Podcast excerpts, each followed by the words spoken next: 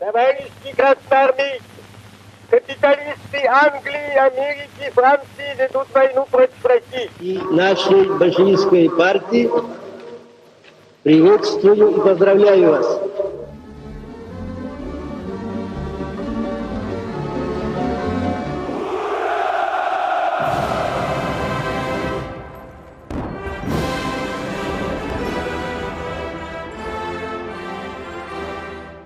Rusya'dan Sevgilerle isimli podcastimizin 9. bölümüne hoş geldiniz. Her hafta olduğu gibi Rusya'dan, post-Sovyet coğrafyasından konuşmaya devam ediyoruz. Bugün bir konuğumuz var.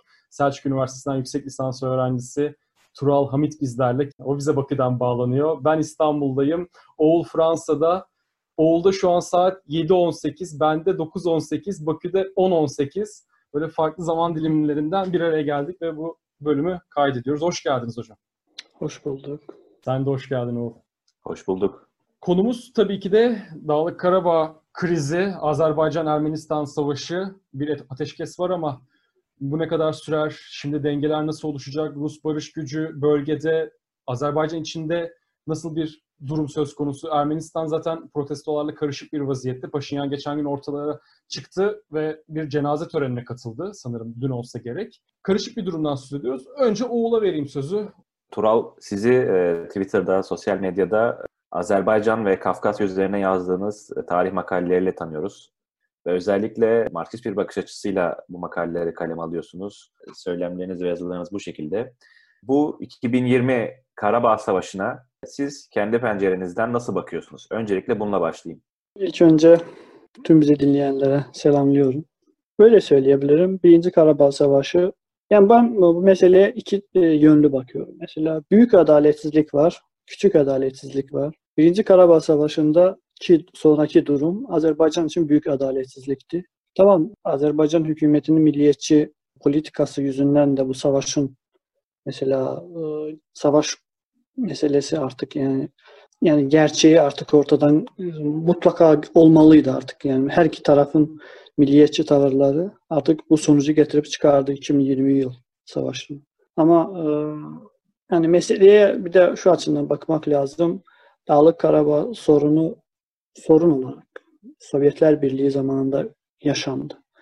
Yani Sovyetler Birliği devletinde Azerbaycan Sovyetler Sovyet Sosyalist Cumhuriyeti'nde bile en azından baktığımız anda neden Dağlık Karabağ Ermenilerin Ermenistan'ı birleşmesi gibi bir durum ortaya çıktı. Onun üzerine odaklanmalıyız. Yani sorunun kökü e, bence Ermeni milliyetçiliğinde. Çünkü, çünkü tamam bu meseleye e, ulusların kendini tayin hakkı gibi bakanlar da var ki bu tam olarak e, Lil'in söylediği bir şeydi. Ama Lil'in e, kendi e, kendi kaderini tayin hakkının ilk önce sadece millet meselesinde değil, aynı zamanda ekonomi açısından da bakıyordu meselelere yani Dağlık Karabağ Azerbaycan içerisinde kalması meselesi ekonomik olarak Dağlık Karabağ Aran Karabağ arasında olan ilişki ele alınarak verilmişti. Mesela Azerbaycanlıların da büyük çoğunlukta olduğu Ermenistan, e, biz rayon diyoruz, illeri vardı. Ama onlar mesela Azerbaycan'a birleşmedi. Ermenistan arazisi gibi tanındı. E, yani meseleye sırf milli açıdan bakmak doğru değil. Yani ee, nerede çoğunluksa o e, mesela birleşmeli açısından bakmak doğru değil. Mesela 88 yılında bu durum başlandığında Azerbaycan tabii ki olarak e, Azerbaycan'a meselede destek veren aynı zamanda Sovyetlerin Birliği e, oldu. Bilmiyorum biliyorsunuz o dönemde 91 yılında Coranboy, şimdiki Coranboy rayonu olduğu arazide Azerbaycan İçişleri ordusuyla birlikte Sovyetler Birliği ordusu da Karabağ'a gitti ve burada hatta bazı dönemlerde çatıştı da Ermenilerle. Ama e, daha sonra ordu da gönderildi. Hatta dün paylaştım. E, sonuncu Sovyet Sovyetler Birliği kahramanı Oleg Babak Ermeniler tarafından öldürülmüştü Karabağ'da. E, Kubadlı bölgesinde ki mesela Kubadlı'da hiçbir zaman Ermeni yoktu. Yani Ermeniler saldırmıştı. Yani Kubadlı Dağlık Karabağ özel oblastın içerisinde bir arazi değildi. Yani, yani bu açıdan baktığın zaman da mesela ben Azerbaycan milliyetçiliğin oluşumunu Ermeni milliyetçiliğin oluşumuna bir reaksiyon olarak görüyorum. Yani bu milliyetçilik olmayacaktı. Ben, ben ben böyle düşünüyorum ki mesela bu milliyetçilik eğer Dağlı Karabağ meselesi ortaya çıkmasaydı ki bu e, meselenin ortaya çıkmamışlığından önce mesela Dağlık Karabağ mesela Sovyetler Birliği'ne e, Azerbaycan'ın ayrılması için müracaatı 1988 yılının Şubat'ında verdi. Ama 1980 yılının Kasım'ında artık Azerbaycanlılar, Azeriler artık e, Ermenistan'dan kovulmaya başlamıştı. Yani bu reaksiyon soruncu sonra Sumgayit pogromu olarak bilinen Ermenilere karşı e, pogrom yapıldı Azerbaycan'da. Devamında da bu Dağlık Karabağ olayları artık her şey kontrolden çıktı. Yani ben bu savaşın sebebinin sırf mesela Ermenilerin içinde bu Türklere karşı olan bu nefret. Ben, yani çünkü onlar Türk derken aynı zamanda Azerbaycanlılar da kastediyorlar. Yani videolarda da bakıyorsunuz Türkler gelecek falan vereceğiz onlara böyle diyorlar. Yani Azerbaycanlı söylemiyorlar. Hep Türkler söylüyorlar. Bence yani bunun sebebi de Ermenilerin bu 1915 soykırımının travmatik yanı. Onların bilincinde kalan travmatik yanı. Ki bundan e, kurtulmak onlar için çok zor oldu. Mesela İsrail aynı şeyi Almanlarla aynı şeyi yapmıyor. İsrail'in insanların da bakış açısı tamam başka bir şey. Tamam e, Almanya'nın da Yahudi soykırımını, Holocaust'u tanıması da bunun e, üzerinde tamam başka etkileri oldu ama yine de yani yani Türkiye sana yapmışsa ben de Azerbaycan'a yaparım mantığı biraz bu Karabağ Savaşı'nda tam hmm, yerine oturmadı. Bu sebeple yani bence bu Azerbaycan değişse bile milliyetçilik milliyetçi olmasaydı bile bu savaş olmalıydı. Çünkü ben e, ben bu savaşın bitişini böyle söylüyorum. Eğer Dağlık Karabağ'ın içerisine e, devam etseydi mesela Azerbaycan ordusu ilerleseydi bu defa Ermeni halkına karşı, oradaki olan Ermeni e, halkına karşı büyük adaletsizlik olurdu. Yani savaş öyle bitti ki mesela ne Azerbaycanlara karşı adaletsizlik oldu, büyük adaletsizlik oldu, ne de Ermenilere karşı büyük adaletsizlik oldu. Yani Ermeniler sadece Hadrut rayonu dışında diğer arazilerinde yani geleneksel olarak bulunduğu arazilerde yaşamaya devam edecekler. Yani bu Ruslar Rus barış gücünde gelmesi bunu yani artık yani ben e, ben düşünüyorum ki mesela 5 yıl söylendi ama daha uzun döneme devam edecek mesele. Çünkü bu durum bence Azerbaycan Azerbaycan siyasi iktidarını tatmin eden bir durum. Şimdiki e, status quo diyelim. Peki o halde ben şunu sorayım. Azerbaycan bu savaşın galibi oldu tabii ki ve iktidarı tatmin ettiğini söylüyorsunuz.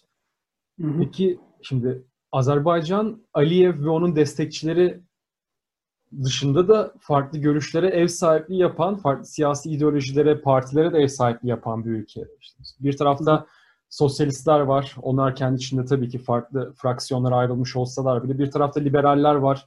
Aliyev destekçisi olmayan milliyetçiler olabilir. Farklı görüştekiler olabilir. Onlar bu duruma nasıl baktılar? Ateşkes Anlaşması'ndan sonraki Aliyev'in çok daha güçlü bir pozisyonda iktidarını devam ettirdiği durumu değerlendirelim. Ben bu meseleye böyle bakıyorum. Mesela Karabağ Savaşı, yani Karabağ'da olan bu 2027 Eylül'e kadar olan durum tam olarak Azerbaycan iktidarını tatmin ediyor. Çünkü bir problem olduğu zaman hep Karabağ böyle, e, kadar büyük derdimiz falan var böyle şeyler yapıyorlardı. Bilmiyorum, bilmem hatırlıyor musunuz? 2016 yılında Nisan savaşları oldu Azerbaycan'da. Hep devalüasyon oldu. Yani insanların böyle sosyal meselelerini e, artık e, dile getirmeye başlamıştı. Bayağı da 18 tane Azerbaycan ilde gösteriler başlamıştı. Hep tam insanların fikri artık ona, ona e, Karabağ'a yöneldi. Savaş başlamasıyla, dört günlük savaş başlamasıyla. E, İlham Aliyev'in e, savaşın kendisine bakalım. Kendisinde Azerbaycan'da tüm siyasi partiler, Komünist Partisi bile destekledi savaşı. Ama bir mesele var. Yani tamam savaştan hep e, galip çıkanlar, galip çıkan olarak İlham Aliyev olabilir. Ama e, İlham Aliyev'in hep e, kullandığı artık e, Karabağ kadar büyük derdimiz var. Artık şey e, gücünü yitirdi. Yani bundan sonra tamam sen kahramanımızsın, sen savaş kazandın diye seni hep öveceğiz. Biraz anlamı çıkabilir. E, ama bence öyle değil. Çünkü Stalin kendisi de 200 Dünya Savaşı'nı kazanmıştı. 12 yıl sonra destalinizasyon başlamıştı. Yani Sovyetler Birliği'nde ve hiç kimse söylemedi ki Stalin o kadar büyük savaş kazandı. Neden onlara ona karşı böyle yapıyorsun? Ve, ve aynı zamanda Charles de Gaulle söyleyelim. Yani Fransa'da faşistlerden kurtardı. Sonra adamı devirdiler yani Fransızlar. Yani e, ben böyle düşünüyorum ki bu meselede e, bir dönem tamam o olacak mesela Aliyev mesela bunu kazandı, bunu övmeliyiz falan gibi düşünce insanlarda olacak ama daha sonra insanların en önemli yani insanların aç insan yani aç ayı oynamaz dersin bir şey ifade var. Yani e, daha sonra yani ekonomik durum bozulursa yani hiçbir zaman umurumda olmaz sen bunu kazandın veya bunu kazanmadın. Yani ben öyle açıdan bakıyorum meseleye.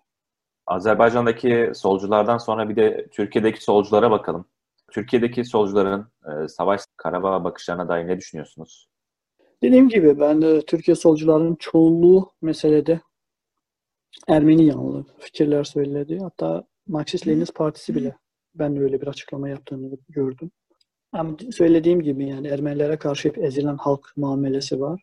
Ki aslında bu e, Türkiye Suriye açısından bakarsam tam olarak doğru. Hakikaten o coğrafyada tarih olarak ezilmişlik bir şeyi var. Ama aynı e, mantığı gidip mesela Dağlık Karabağ bölgesinde e, yapılması doğru değil ben, bana göre. Çünkü söylediğim gibi Dağlık Karabağ sorununu Azerbaycan e, Azerbaycanlar başlatmadı. Yani bunu Ermeniler başladı. Bir de Sovyet Sosyalist Cumhuriyetler Birliği'nde bu şey yap, yapıldı. Neden mesela Sovyetler Birliği içerisinde Ermenilerin Dağlık Karabağ Ermenilerin Ermenistan'a birleşmesi gibi zorunluluğu ortaya çıksın. Bu zorunlu ortaya çıkma, çıkması zaten milliyetçilik alameti. Çünkü e, Ermenilerin Azerbaycanlara bakışı Türk olduğu için ve meseleye sırf Türklük prizmasından baktıkları için hep e, içlerinde olan nefret var ki bu 1915 soykırımının yaptığı bir e, psikoloji şey, travma. Bu travmadan kurtulamadılar ve aynı travmada devam ediyor onlarda ki savaş başladığı zamandan itibaren hep Ermenilere soykırım yapıyorlar. Dünya e, bize yardım edin falan gibi açıklamalarında da bu göründü. Ama normalde öyle mi? Öyle değildi. Mesela Ermenistan Sovyet e, Sosyalist Cumhuriyeti'nde 1920-91 yıllar arasında bir tane bile mesela yüksek e, mevzide bulunan bir Azerbaycanlı siyasetçi olmadı. Ama Azerbaycan'ın kendisinde Azerbaycan Sovyet Sosyalist Cumhuriyeti'nin dört tane Ruben Rubenov, Levon Mirzayan gibi mesela genel sekreterleri oldu. Bundan başka da Azerbaycan e, Milli Meclisi'nde bayağı büyük sayıda olan Ermeni e, milletvekilleri temsil ediyordu. Ve Bakü, Bakü denen elitası vardı Azerbaycan'ın. Ki Bakü elitası derken genellikle Bakü Ermenileri kastediliyordu. Yani bence e, yani bu hatta bununla ilgili bir e, yazı da yazdım. Yani bu Karabağ Savaşı'nın başlanması e, Karabağ Savaşı'nın başlanması Ermenistan Ermenilerinin e, yani bu durumdan e, Karabağ Ermenilerinin bu e, şeyi yapması aynı zamanda Bakü Ermenilerinin ki bu insanlar daha çok entelektüel insanlardı. Bakü'de şimdi gelseniz mesela görseniz en güzel binalar şu e, Bakü Ermenileri tarafından yapılan binalar.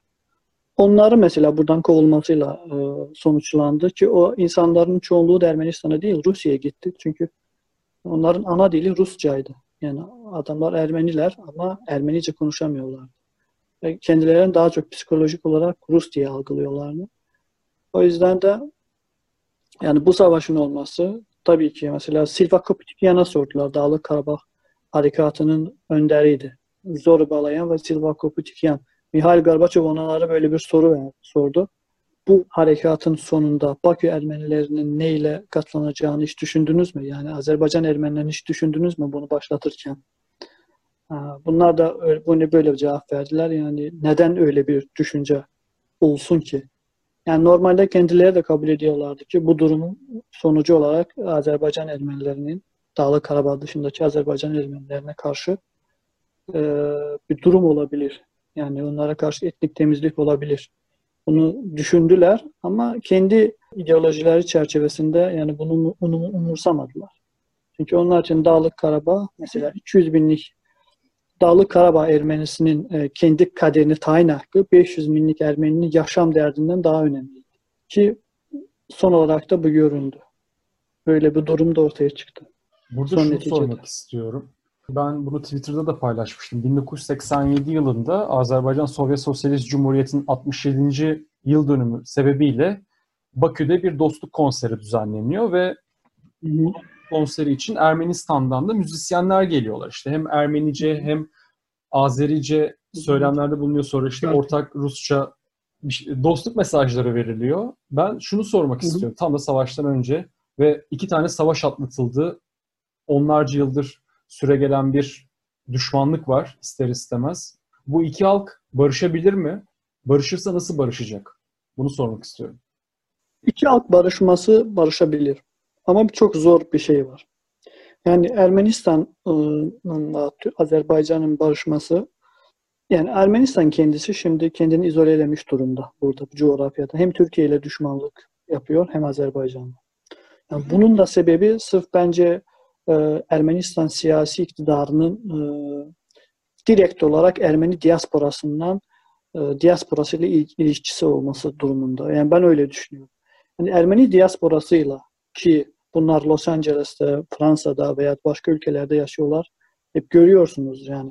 Bu adamlar Avrupa'da, Amerika'da yaşasalar bile yani Ermenistan Ermenilerden daha milliyetçi, daha ırkçı ve her zaman da Türk görse saldırmaya çalışıyorlar her açıdan. Çünkü bu iki ay önce bu Haziran, e, Temmuz savaşlarında da görüldü. Los Angeles'te Azerilere saldırdılar. Yani bir bin kişilik bir grup vardı. Bir 30 kişilik grupa saldırdı. Yani bu adamlar, e, bu insanların çoğu Osmanlı tehcirinin e, neticesinde mesela oraya gittikleri için yani adamlarda travmatik şok var bu e, psikolojik e, bu psikolojik mesela mesele onları hiç mesela bırakmıyor artık. Yakasını bırakmıyor. Yani bu milliyetçilik onlarda o kadar aşırı e, safta ki yani bu mesela bu milliyetçiliği koparmak lazım Ermenistan'la. Bu Ermenistan'la bu e, irtibatı koparabilirse çünkü Ermeni diasporasının parası fazla. Ermenistan da fakir devlet. Hep parayı onlar gönderiyorlar diye ne diyorlar? Yani biz ne söylersek siz onu yapmalısınız. Biliyorsunuzdur. 99 yılında Ermenistan parlamentosuna girip mesela başbakanı, parlamento parlamento başkanını cebüldürdüler. Terörist şey eylem yapıldı. Yani yapanlar daşnaklardı. Yani daşnaklar söyleyelim yani milliyetçi grupları.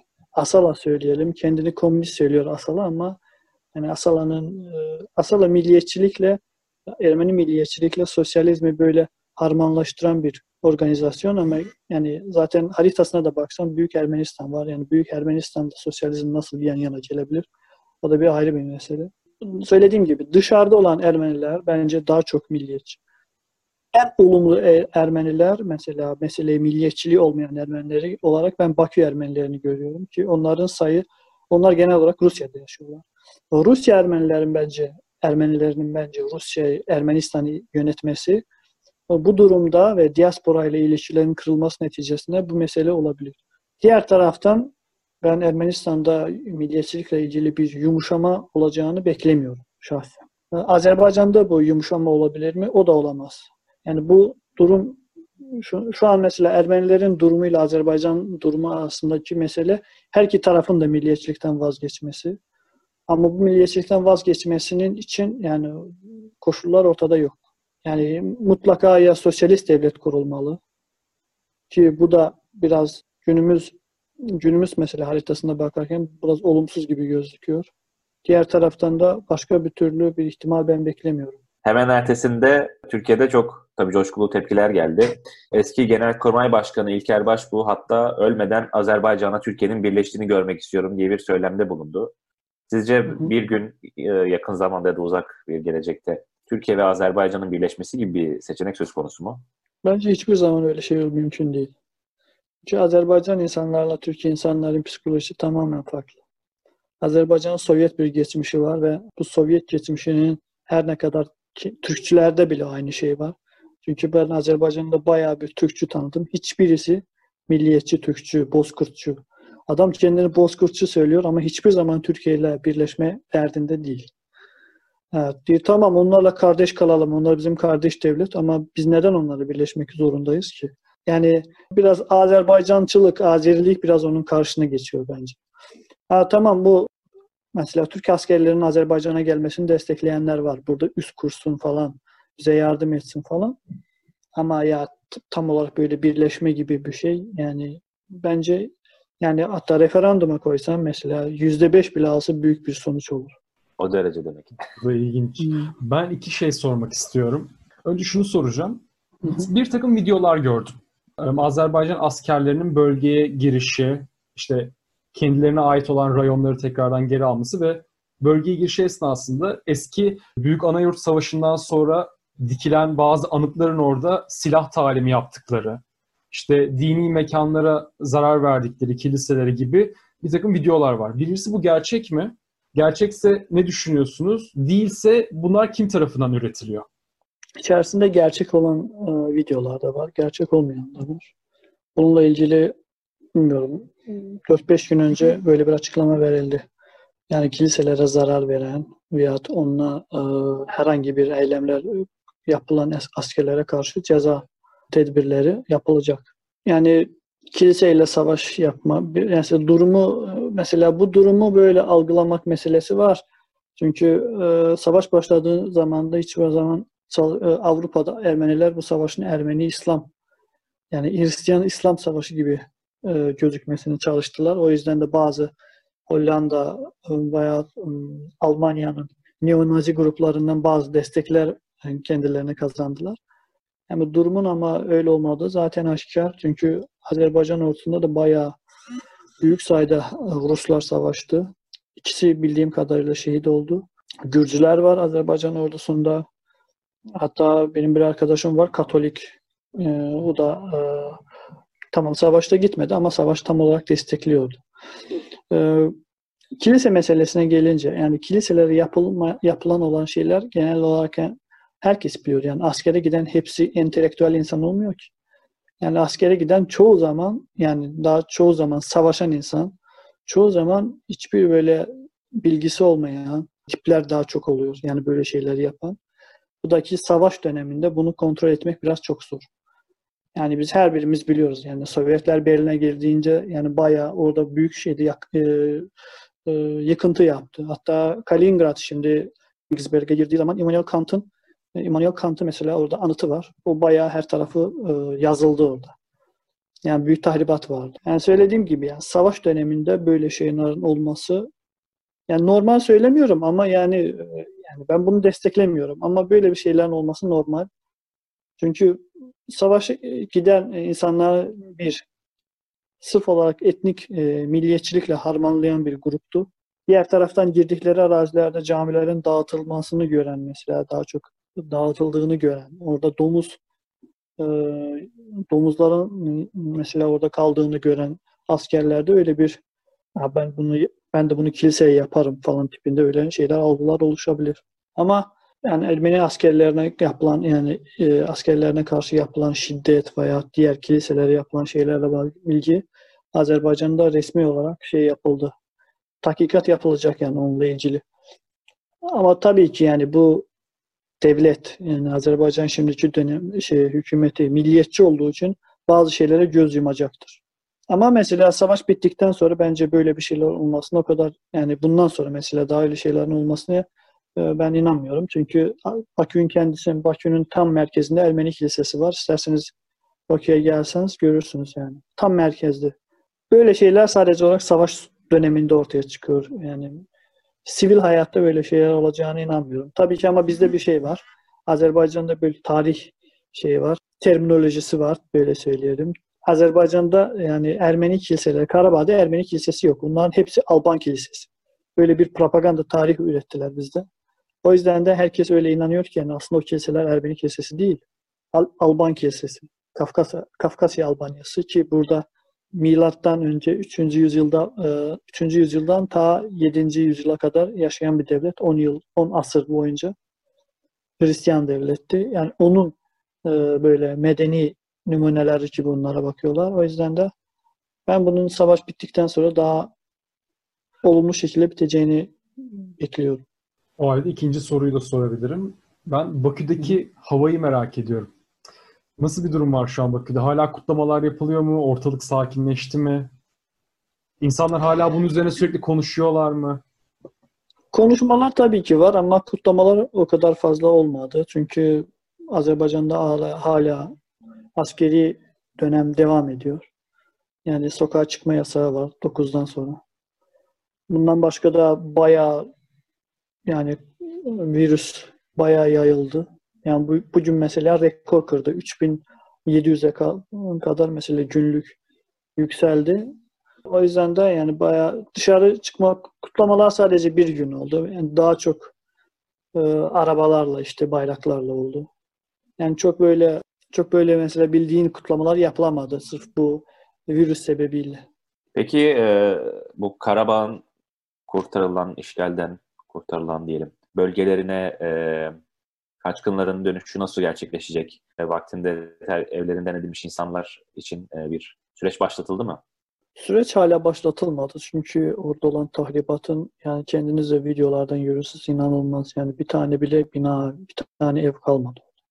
Bir de inanılmaz çok mayın var. Hatta Azerbaycan resmi olarak dünyaya seslendi ki mesela ben bunları tek başına temizleyemem oradan. 10 yıl, 12 yıl hatta 20 yıl sürebilir mayınların temizlenmesi. Mesela o yüzden de bütün dünyaya mesela müracaat ettik ki bize yardım edin bu mayınları temizleyelim.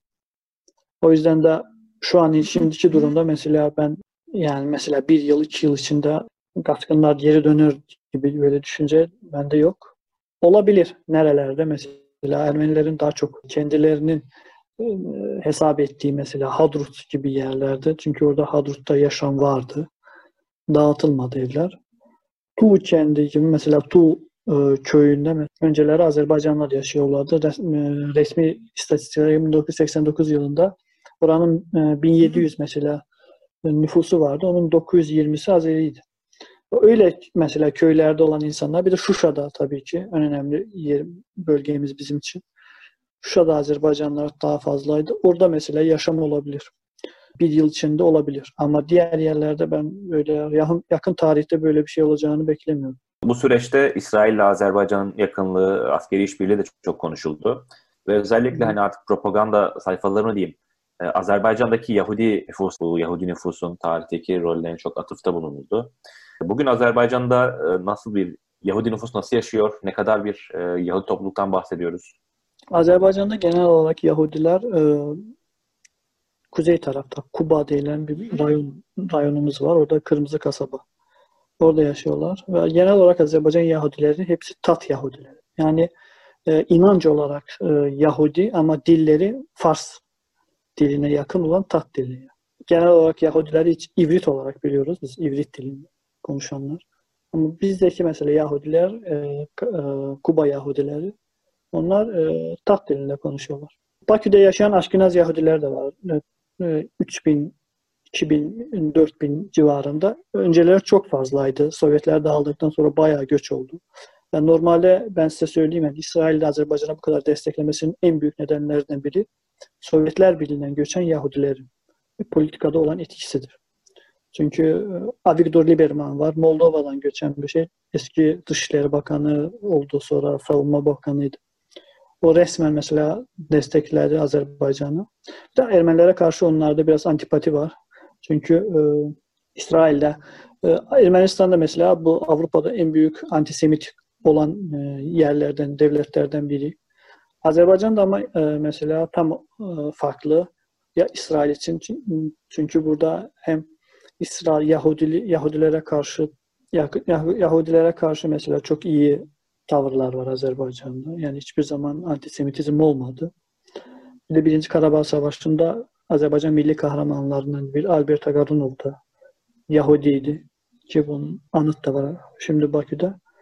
Diğer taraftan politik etkiler var. Mesela Bakü Tiflis Ceyhan'la İsrail'e petrol satıyor Azerbaycan. Yüzde 40 son dönemde bilmiyorum. Şimdi arttı mı? Yani bir 3-4 yıl önceye kadar yüzde 40 petrolü Azerbaycan'ın. Diğer taraftan İran etkisi var.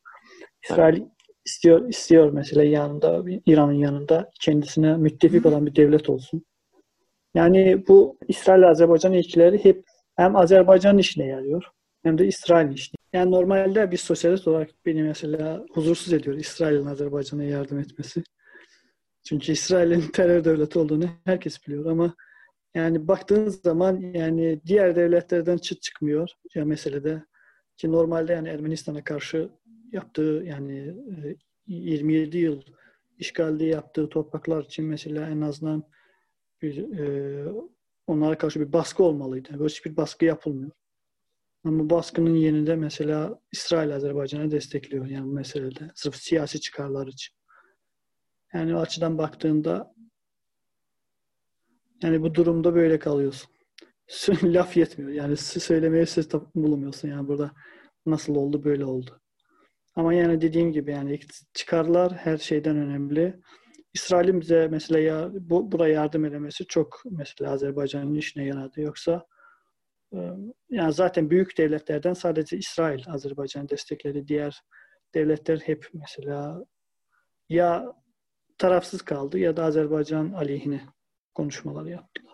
Daha çok da e, Azerbaycan aleyhine bu kadar konuşma yapılmasının da büyük, bence büyük önemli nedeni Türkiye ile ittifak yapması.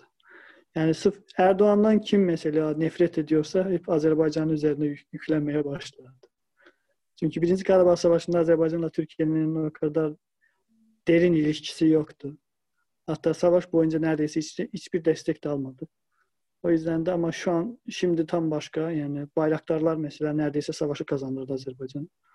O yüzden de böyle bir baskı var.